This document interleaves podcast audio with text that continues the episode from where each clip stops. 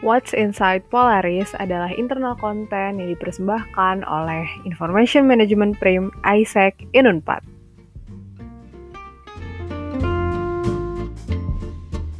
Eh, hoi Isaac, gimana nih kabarnya uh, semuanya yang mendengarkan podcast ini? Kita balik lagi ke What's Inside Polaris dan kali ini bareng aku aja, Sasa nggak sama Yosua karena Yosua nggak bisa jadi cuma aku aja. Tapi tenang kita sekarang bakal ditemenin sama special guest star akhir tahun.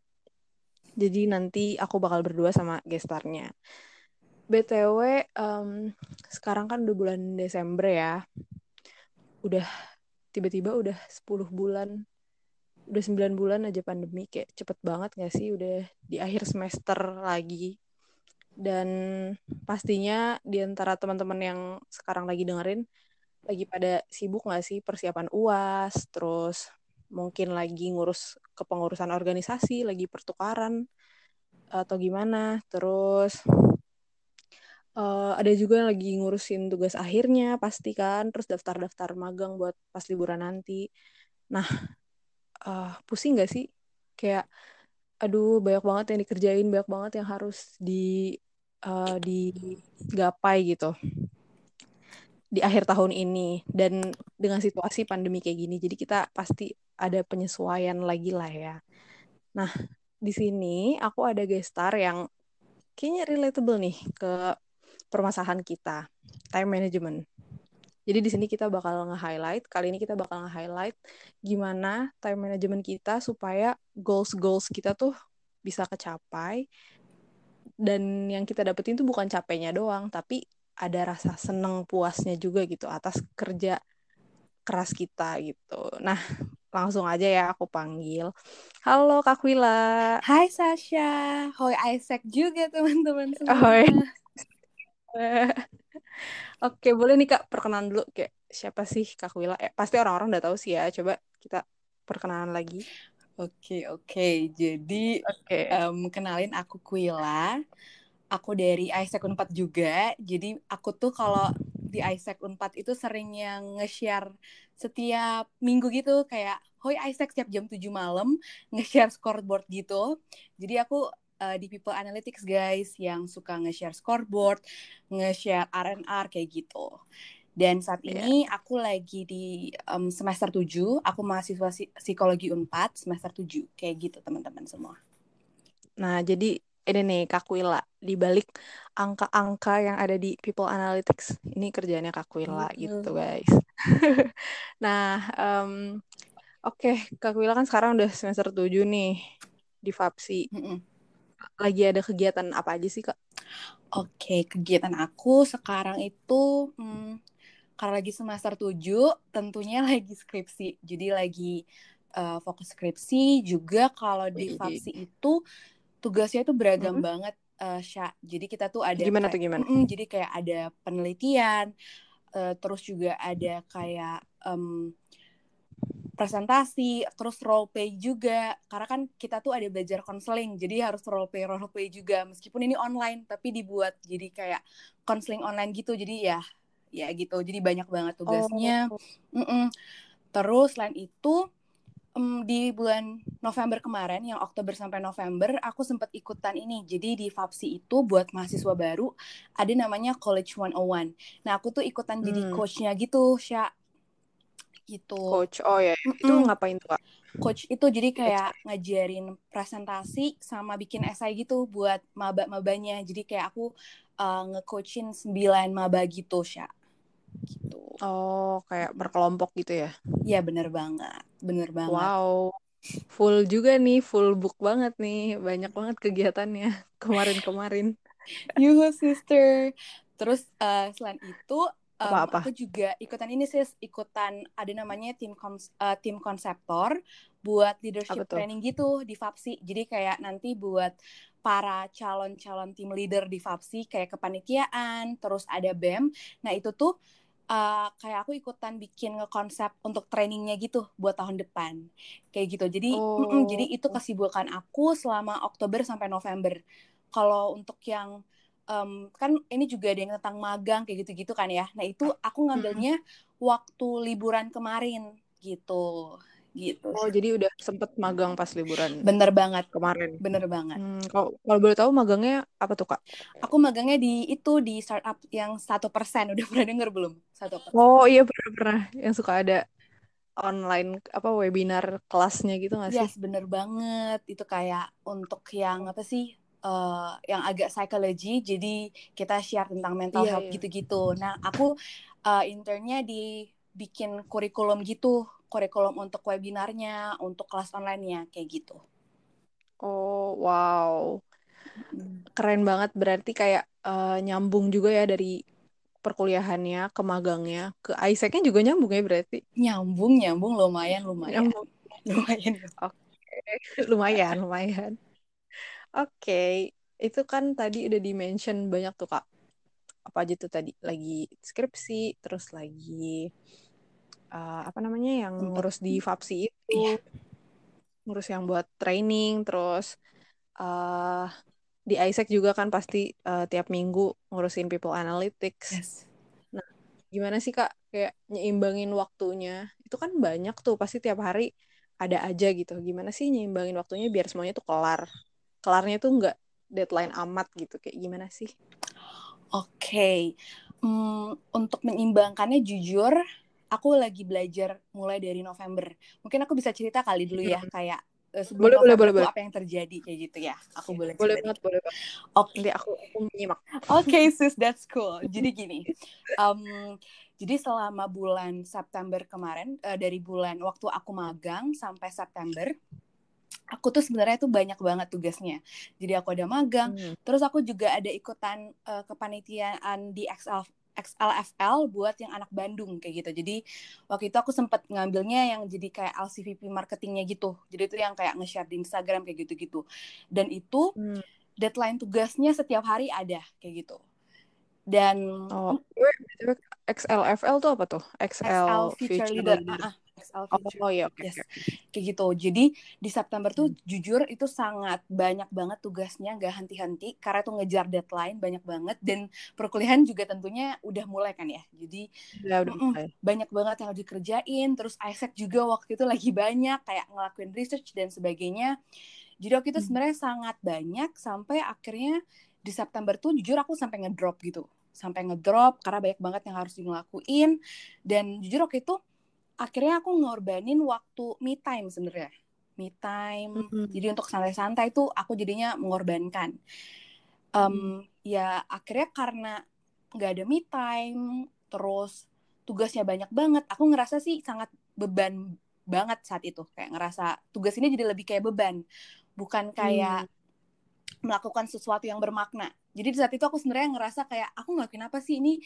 Semuanya aku ngelakuin cuma untuk ngejar deadline jadi sebenarnya kayak jadi kenapa kayak cap kayak dapet capeknya gitu ya capeknya aja iya bener banget bener banget sih ya. jadi kayak hilang makna gitu loh kebayang nggak mm. Iya iya iya ya. kayak aduh yang penting kelar yang penting kelar yang penting kelar iya bener banget sih jadi udah hilang apa sih namanya esensi esensi tugasnya udah yeah, hilang yeah, yeah. kayak gitu yeah, yeah, yeah. nah kayak gitu nah itu salah satu masalah aku terus mm. um, akhirnya di bulan Oktober aku ubah strategi aku. Jadi Oktober tuh aku bener hmm. kayak bener-bener kan udah selesai tugas-tugas yang dari September. Itu tuh aku beneran hmm. kayak aku nggak mau ngerjain apa pun. Sampai aku menunda salah satu tugas penting di semester 7 ini. Dan itu Betul. adalah skripsi. Padahal itu kan yang pentingnya kan ya. Tapi itu akhirnya aku tunda yeah, yeah. di Oktober. Karena aku sempat mikir, aduh, mm, istirahat dulu deh kayak gitu kan ya yeah. gitu. Tapi setelah dipikir-pikir kayak itu cuma alasan doang sis kayak alasan buat istirahat. Padahal sebenarnya kayaknya waktu itu aku lebih ke prokrastinasi sebenarnya. Jadi di Oktober itu aku terlihat kayak hmm, aku tidak mengerjakan apa-apa tapi akhirnya di situ masalahnya lebih kayak nggak bermakna gitu. Aku nggak melakukan apa-apa. Jadi beda banget sis jadi September tuh aku ngerasa beban banget tapi di Oktober ini aku ngerasa nggak ngapa-ngapain tapi jadinya uh, kayak ngerasa apa yang aku lakuin di Oktober kayak gitu. Kebayang gak sih uh, perbedaannya? Jadi, jadi kayak jadi kayak ini nggak ngerjain apa-apa, tapi ini harusnya ada yang dikerjain gak sih? Tapi nggak mau dulu, mau istirahat dulu gitu. Bener banget, ya, bener banget. I feel it. Oke. Okay. Nah itu, itu masalahnya. Jadi kayak September Oktober tuh masalahnya seperti itu. Nah, hmm. akhirnya nih, nah ini mulai ya ke gimana akhirnya aku belajar untuk memanage ah, time yeah. dan memanage diri aku sih sebenarnya lebih nge-manage yeah. diri aku. Jadi di awal um, akhir lebih tepatnya akhir Oktober aku tuh okay. ngelakuin reflection. Jadi reflection tuh jadi kayak lebih apa aja yang udah aku lakuin selama ini, terus aku juga curhat-curhat gitu sama orang kayak gitu kan ya. Um, yeah. Aku cerita tentang permasalahan aku. Terus um, setelah aku bicara sama self reflection uh, aku nyadarin sesuatu gitu jadi Apa tuh? gini ya jadi Oktober ini kayaknya kenapa aku menjauh dari skripsi tapi alasannya bilangnya istirahat tapi sebenarnya aku menjauh itu tuh kayaknya karena aku cemas melakukan skripsi gitu jadi aku ngerasa aku nggak bisa ngelakuin skripsi jadi uh, aku hmm. prokrastinasi karena aku takut untuk memulainya kayak gitu Nah, jadi okay. saat itu aku sadar kalau um, selama Oktober ini ya aku prokrastinasi karena aku cemas untuk ngelakuinnya bukan karena aku pengen istirahat kayak gitu. Nah, iya. akhirnya yeah. um, aku berpikir ulang lagi nih tentang tujuan hidup. Lebih tepatnya tujuan um, selama dua bulan ini bakal ngapain sih? Kan um, aku tinggal dua bulan lagi kan ya semester tujuh kalau dihitung dari yeah, iya. November yeah. sama Desember akhirnya aku hmm. mulai mikir lagi nah ini aku tinggal punya dua bulan lagi nih apa yang aku harus lakuin biar bisa uh, tercapai tujuan aku. Karena sebenarnya um, di awal bulan di awal semester 7 ini aku udah punya um, goal gitu. Jadi aku pengen menyelesaikan skripsi sebenarnya di bulan Desember sebenarnya gitu. Oh itu rencana, rencana awalnya. awalnya kayak gitu. Oh iya oke. Okay. Tapi rupanya kan nggak kecapai sepertinya gitu kan ya. Iya iya. Um, aku mencoba untuk melihat reality sister. Jadi realitanya seperti itu dulu ya. Benar banget. Jadi kayaknya aduh nggak bisa nih nggak bisa nih. Akhirnya aku coba membuat tujuan baru lagi kayak gitu. Aku membuat tujuan. Hmm. Um, replanning gitu ya berarti? Yes bener banget sister. Jadi aku hmm. bikin iya kayak replanning gitu terus aku bikin tujuannya jadi di aku bikin tujuannya pokoknya udah bikin tujuan. Terus aku kan juga menyadari nih kenapa September aku ngerasa kayak beban banget nih ngerjain tugas. Padahal tuh lumayan baik yang aku lakuin tapi aku ngerasa yang kayak kamu bilang kayak kosong gitu. Kayak mm. aduh gak ada maknanya.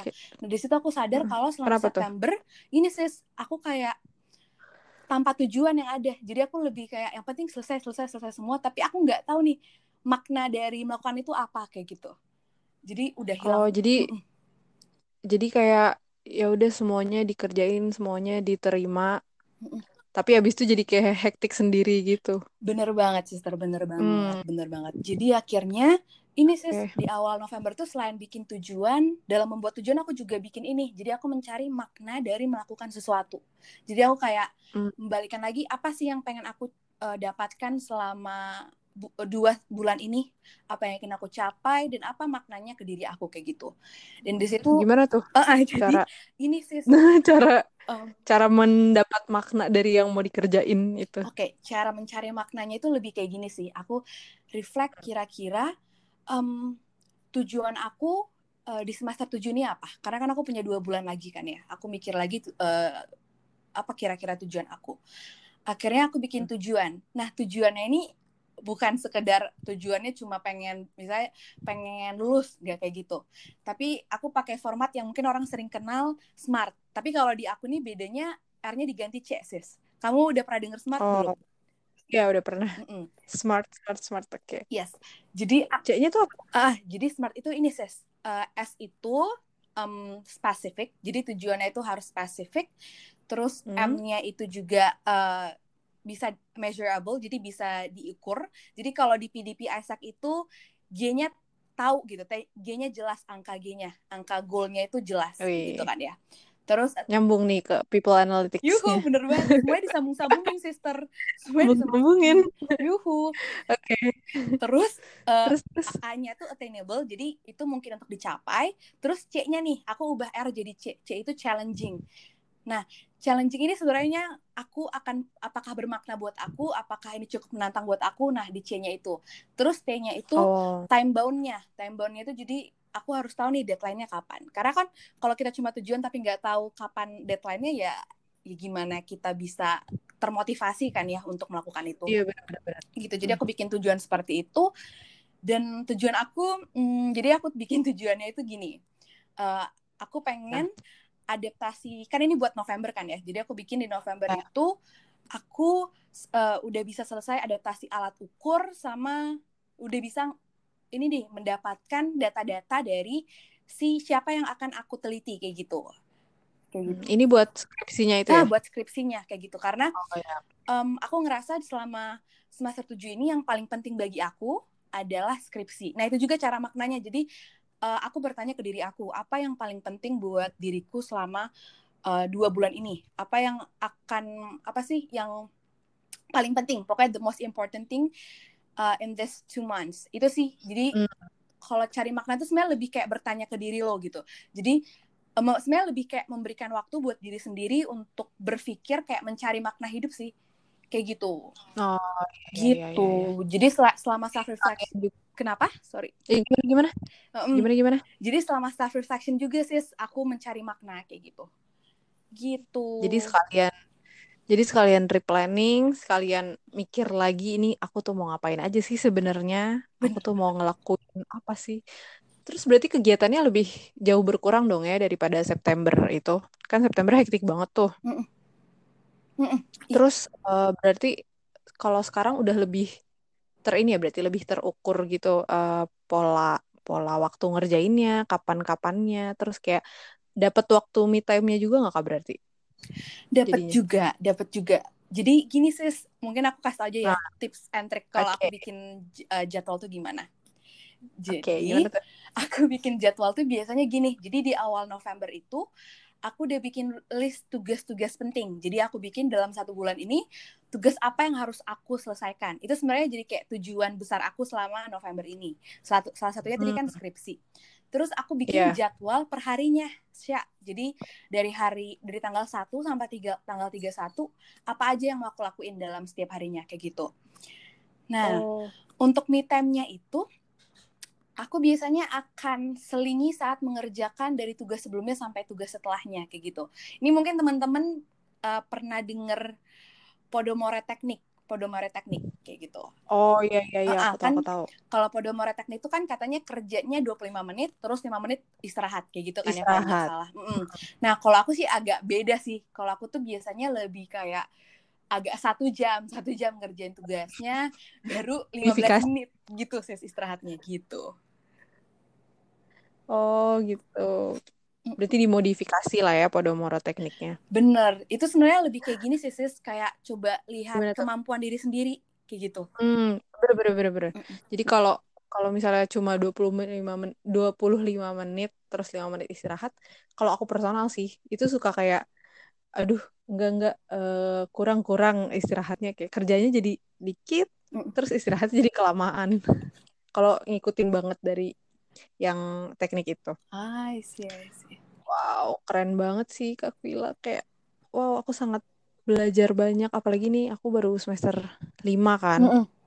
Aku masih ada tahun depan untuk mulai nyusun skripsi. Dan ah. semester ini jujur, aku kayak overwhelmed banget. Kayak, aduh, ini itu tuh kayak pusing. Tapi sebenarnya emang aku ngerjainnya enjoy banget tah gitu. Kayak mm -mm. mikir lagi gitu. Hmm. Berarti keren banget sih harus self reflection dulu lah ya. Bener banget. Terus hmm, aku mau nanya nih kak, kalau kita lagi mengerjakan sesuatu gitu, kayak tugas lah atau tugas organisasi atau kerjaan gitu, kan pasti ada distraksinya nggak sih? Kayak apalagi sekarang tuh ada gadget, ada YouTube, ada Instagram gitu. Nah itu itu pasti banyak orang yang merasa terdistraksi dari hal-hal tersebut gitu kan. Nah, gimana sih caranya Kak Wila buat buat me, apa ya bahasanya? menentang, menghadang, menghadang, menghadang betul. betul. Iya gitu gimana sih caranya? Oke okay, sis, jadi sejujurnya nih ya sister, aku juga lagi hmm. belajar hmm. karena aku juga suka nih terdistraksi dengan hal-hal seperti hmm. itu. Kayak Gak gitu. apa kita belajar sama-sama belajar. Yuhu, kita belajar together. Nah, okay. mungkin aku bisa sharing kali ya, yang cara-cara aku selama ini. Nah, gimana? Kalau cara-cara aku nih sebenarnya lebih kayak gini sih, sis. Jadi aku memang lebih ngematiin, um, kan aku tuh gampang terdistraksinya dengan HP Aku gampang yeah. terdistraksi dengan HP. Jadi Same. Kenapa?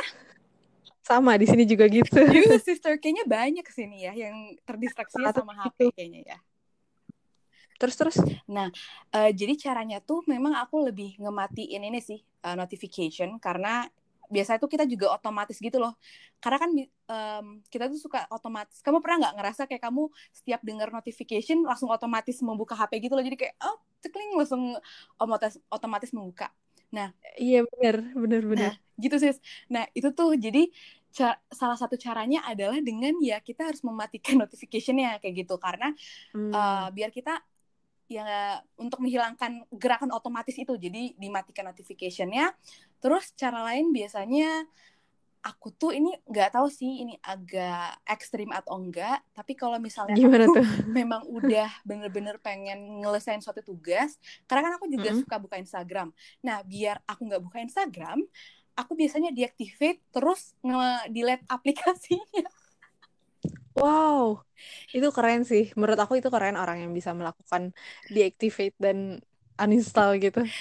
Gitu sih. Tapi itu, mm -hmm. it, gimana gimana?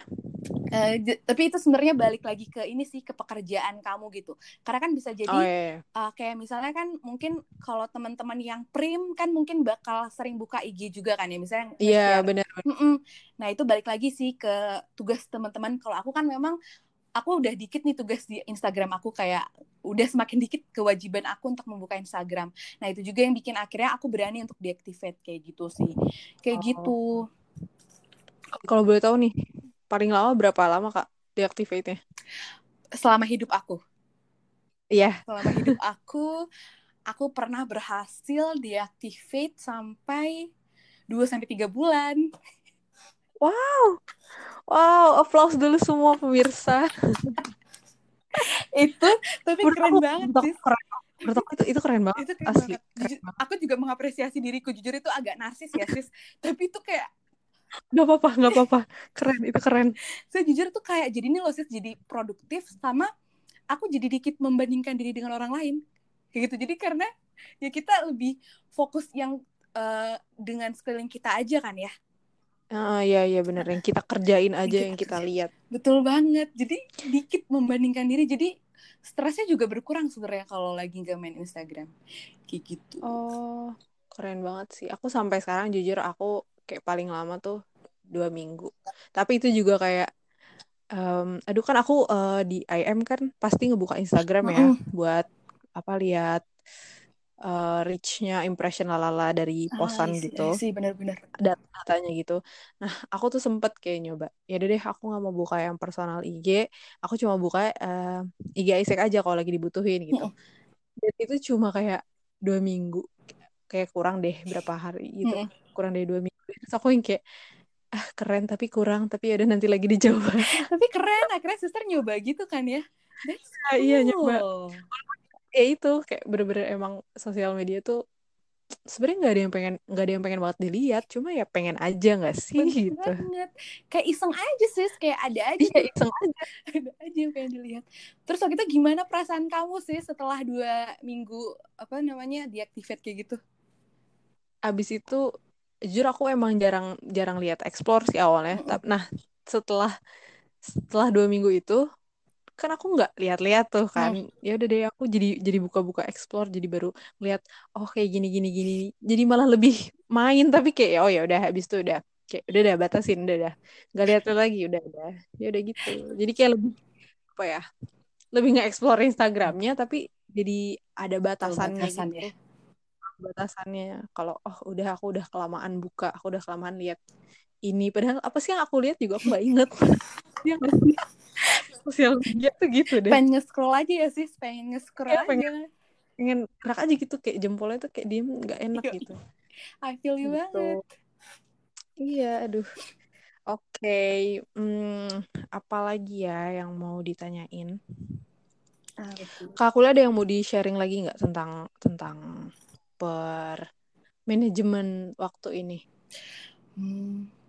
Kayak misalnya ada tips tips yang lebih ya tips general lah buat yang dengerin atau gimana nih saran dari pengalaman Kak Wila sendiri? Hmm, mungkin ini kali ya kalau tiba-tiba misalnya kepengen prokrastinasi lagi kali ya. Hmm, iya betul. Okay. Nah, iya, yeah, I need it. Oke. Okay. Oke. Okay. Jadi um, mungkin aku mau share dulu nih tentang prokrastinasi. Jadi kan prokrastinasi itu ketika kita menunda suatu pekerjaan kan ya, menunda suatu pekerjaan. Iya yeah, betul. Nah, kalau orang-orang mungkin dengernya prokrastinasi kenapa sih? Kalau orang mikir kan, ah palingan karena dia males. Nah, tapi sebenarnya prokrastinasi itu banyak banget alasannya. Bisa karena males, hmm. bisa karena cemas. Kayak aku itu aku cemas. Bisa juga karena perfeksionis. Jadi dia itu uh, takut memulai karena takut gak perfect gitu. Jadi akhirnya dia prokrastinasi. Hmm. Nah, waktu kita udah mulai prokrastinasi, yang paling penting tuh sebenarnya mengenali dulu nih apa alasan kita melakukan prokrastinasi kayak gitu. Cara mengenalinya hmm. tuh sebenarnya lebih kayak lebih mungkin self reflection atau memang kalau misalnya nggak mampu untuk self reflection atau belum terlatih itu memang sebaiknya bicara sama orang lain kayak gitu bisa cerita sama hmm. orang lain tentang masalahnya dan mungkin ini aku mau mencoba mindset yang positif juga kali ya tentang kita ke psikologi tentang ke psikolog tentang ke psikolosis jadi hmm. kalau orang-orang kan dengernya ke psikolog itu karena sakit kayak gitu kan ya karena sakit. Yeah. Padahal sebenarnya kalau orang ke psikolog tuh sebenarnya tuh bisa tentang konseling yang hal-hal yang di luar penyakit juga. Misalnya kayak uh, ketika lo nggak bisa ngatur waktu lo atau lo ngerasa kurang produktif nah itu sebenarnya bisa tuh ke uh, psikolog kayak gitu. Dan sebenarnya untuk anak unpad sendiri itu tuh udah ada kesempatan buat psikolog yang dari uh, psikologi unpad kayak gitu. Itu sebenarnya udah ada tempatnya oh, kayak gitu. iya, iya, iya. jadi kalau iya, misalnya uh, diri sendiri ngerasa belum bisa nih untuk self reflection. Karena kan memang self reflection tuh butuh belajar juga kan sis. Kayak butuh yeah, uh, yeah. butuh untuk uh, belajar untuk mengenali diri kayak gitu kan ya. Nah kalau misalnya belum mampu ya bisa aja ke datang ke psikolog atau ke teman-temannya mungkin yang ngerasa bisa nih ngebantu gue kayak gitu. Nah hmm. jadi kalau cara aku sih biasanya lebih ke self reflection. Jadi aku berusaha mengenal diriku kayak kira-kira apa ya yang buat aku prokrastinasi. Nah setelah aku tahu alasan aku prokrastinasi, misalnya aku cemas.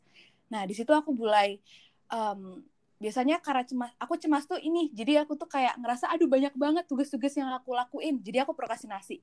Akhirnya aku biasanya akan nulis di kertas kayak apa aja nih harus aku lakukan? Jadi aku bikin di kertas semua yang ada dalam pikiran aku. Kayak gitu. Semuanya tuh hmm. ditumpahin dulu? Iya betul banget sis ditumpahin dulu. Hmm. karena bisa jadi kita tuh tertekan gitu loh sis. Kan kalau kita tumpahin kayak misalnya nih uh, uh, kita numpahin pasti itu akan merasa otak kita tuh lebih bebas gitu loh sis. Jadi lebih oke okay, lebih clear kayak gitu. Jadi iya iya iya. Jadi mm, jadi saat kita tulis kita tahu oh rupanya tugas yang harus kita lakuin ini nih ada beberapa nih kayak gitu kan ya. Nah setelah itu baru bikin kayak listnya. Nah ini mungkin teman-teman sering nih denger yang uh, as an hour matrix itu loh yang important terus urgent kayak gitu kan ya Oh ya, important, less urgent gitu yes, ya? betul banget. Nah itu bisa dibuat tuh uh, listnya kayak yang dari paling important sama urgent sampai yang uh, paling tidak important sama less urgent kayak gitu. Nah itu biasanya aku akan bikin list seperti itu. Terus cara kedua, uh, cara berikutnya adalah ya aku biasanya akan melakukan dari yang important sama yang urgent kayak gitu. Tapi hmm. ada nih beberapa waktu misalnya aku lagi lelah banget, jadi aku ngerasa ada misalnya aku punya dua tugas nih, ada tugas organisasi sama kuliah. Nah, kalau misalnya aku lelah, padahal sebenarnya aku punya deadline, agar aku hmm? tidak prokrastinasi, biasanya aku milih tugas yang paling mudah dulu. Biasanya aku milih tugas yang paling hmm. mudah dulu, kayak gitu. Jadi biasanya aku akan milih tugas yang paling lebih mudah, yang akan dikerjakan terlebih dahulu. Jadi nggak ada prokrastinasi gitu sih, kayak gitu sih gitu jadi, gitu jadi kayak semuanya kekerjain tapi ya udah pelan-pelan aja dari yang bisa dikerjain lebih mudah dulu gitu ya. Yes, betul banget, betul banget. Hmm, gitu. Jadi okay. banyak cara sih kalau misalnya prokrastinasi. Tadi kan jadi pertama dengan mengenali dulu alasannya, terus hmm. uh, baru kita nih cari cara untuk uh, menyelesaikan permasalahan kita. Misalnya kalau cemas, ditumpahin dulu isi kecemasannya apa. Terus baru hmm. dibuat uh, listnya dari tugas yang yang banyak-banyak itu dibikin list jadi yang paling important sama less urgent. Terus baru udah dikerjain. Kalau misalnya ngerasa lelah ya kerjaan yang mudah dulu biar nggak ada menunda-nunda. Kayak gitu. Gitu. okay, wow cool banget. Uh. Gitu sih. Ini aku ini aku belajar banyak juga sih. Kayak bener-bener oh my god, oh my god. banyak yang harus aku evaluasi gitu dari diri sendiri. Oke. okay. Uh, jadi sekarang aku mau um, nyampein kesimpulan okay. dari tips-tips dari saran-saran yang udah disebutin sama Kak Wila dari pengalaman Kak Wila juga. Mm -hmm. Jadi yang pertama itu tadi gimana caranya dapat makna apa yang lagi kita kerjain, apa hal-hal yang lagi kita kerjain. Yang pertama itu kita harus self reflection. Mm -hmm. Terus yang kedua itu kita bikin tujuan dari apa yang lagi kita kerjain. Kalau tadi Kak Wila itu pakai metodenya SMART, tapi R-nya diganti jadi C. Yes, betul banget. Nah, dari situ kita bisa tahu apa sih sebenarnya yang aku kerjain, apa sih tujuannya, kenapa aku ngelakuin itu dan jadinya kita bisa memilah-milah apa yang kita suka, apa yang kita enggak gitu juga ya nggak sih Kak? Yes, betul banget. Oke. Terus lanjut lagi tadi uh, buat yang tipsnya nih, tips yang tips yang manajemen waktunya. Kalau misalnya lagi banyak lagi banyak uh, apa sih kerjaannya gitu. Yang pertama bikin list tugas yang penting. Ini setelah ini ya, setelah udah dapat makna apa yang kita kerjain. Kita bikin list tugas yang penting, terus kalau Kak Wila bikin jadwal perharinya, mau ngapain aja tuh dari perharinya. Terus uh, ngelakuin uh, Podomoro teknik tapi dimodifikasi sesuai dengan kemampuan diri sendirinya aja. Gitu. Terus yang terakhir ada tips procrastinate jadi kalau Kak Wila sendiri nih, cara Kak Wila tadi adalah self reflection. Kayak kayaknya Kak self reflection itu kayak kunci gitu ya Kak. Yes, bener banget sih. Sekarang memang kan ya. itu mengenal diri juga kan ya dengan merefleksikan hmm. semuanya. Iya bener-bener. Iya jadi ya gitu. Yang pertama self reflection, terus kalau Kak Wila tadi itu cemas nih contohnya. Kalau cemas bisa tulis semua yang dipikirin terus bikin list uh, important sama urgent things yang yang tabel 4 gitu. Terus baru deh kita lakuin hal-hal yang bisa kita kerjain duluan dan jangan lupa buat mulai kerjain yang lebih mudah gitu. Dan kalau misalnya need help bisa uh, ke psikolog ya nggak sih? Uh, Kalian promosi sih. promosi mental Boleh. boleh kalau ada uh, ada yang mau dicurhatin juga mungkin bisa ke Kak Wila ya. Udah bisa mulai latihan Kak konseling. siap, kalian lagi ngambil matkul sih matkul konseling. Tuh kan. Sabi tuh. Kan bener. Oke okay. kayaknya udah dulu deh dari pembicaraan ini. Udah berapa menit nih kita ngobrol-ngobrol? Thank you banget buat Kak Wila buat semua ceritanya pengalamannya tips-tipsnya itu insightful banget kita bisa buat ngambil banyak pelajaran. Jah, banyak Amin. banget nih. Amin. Amin.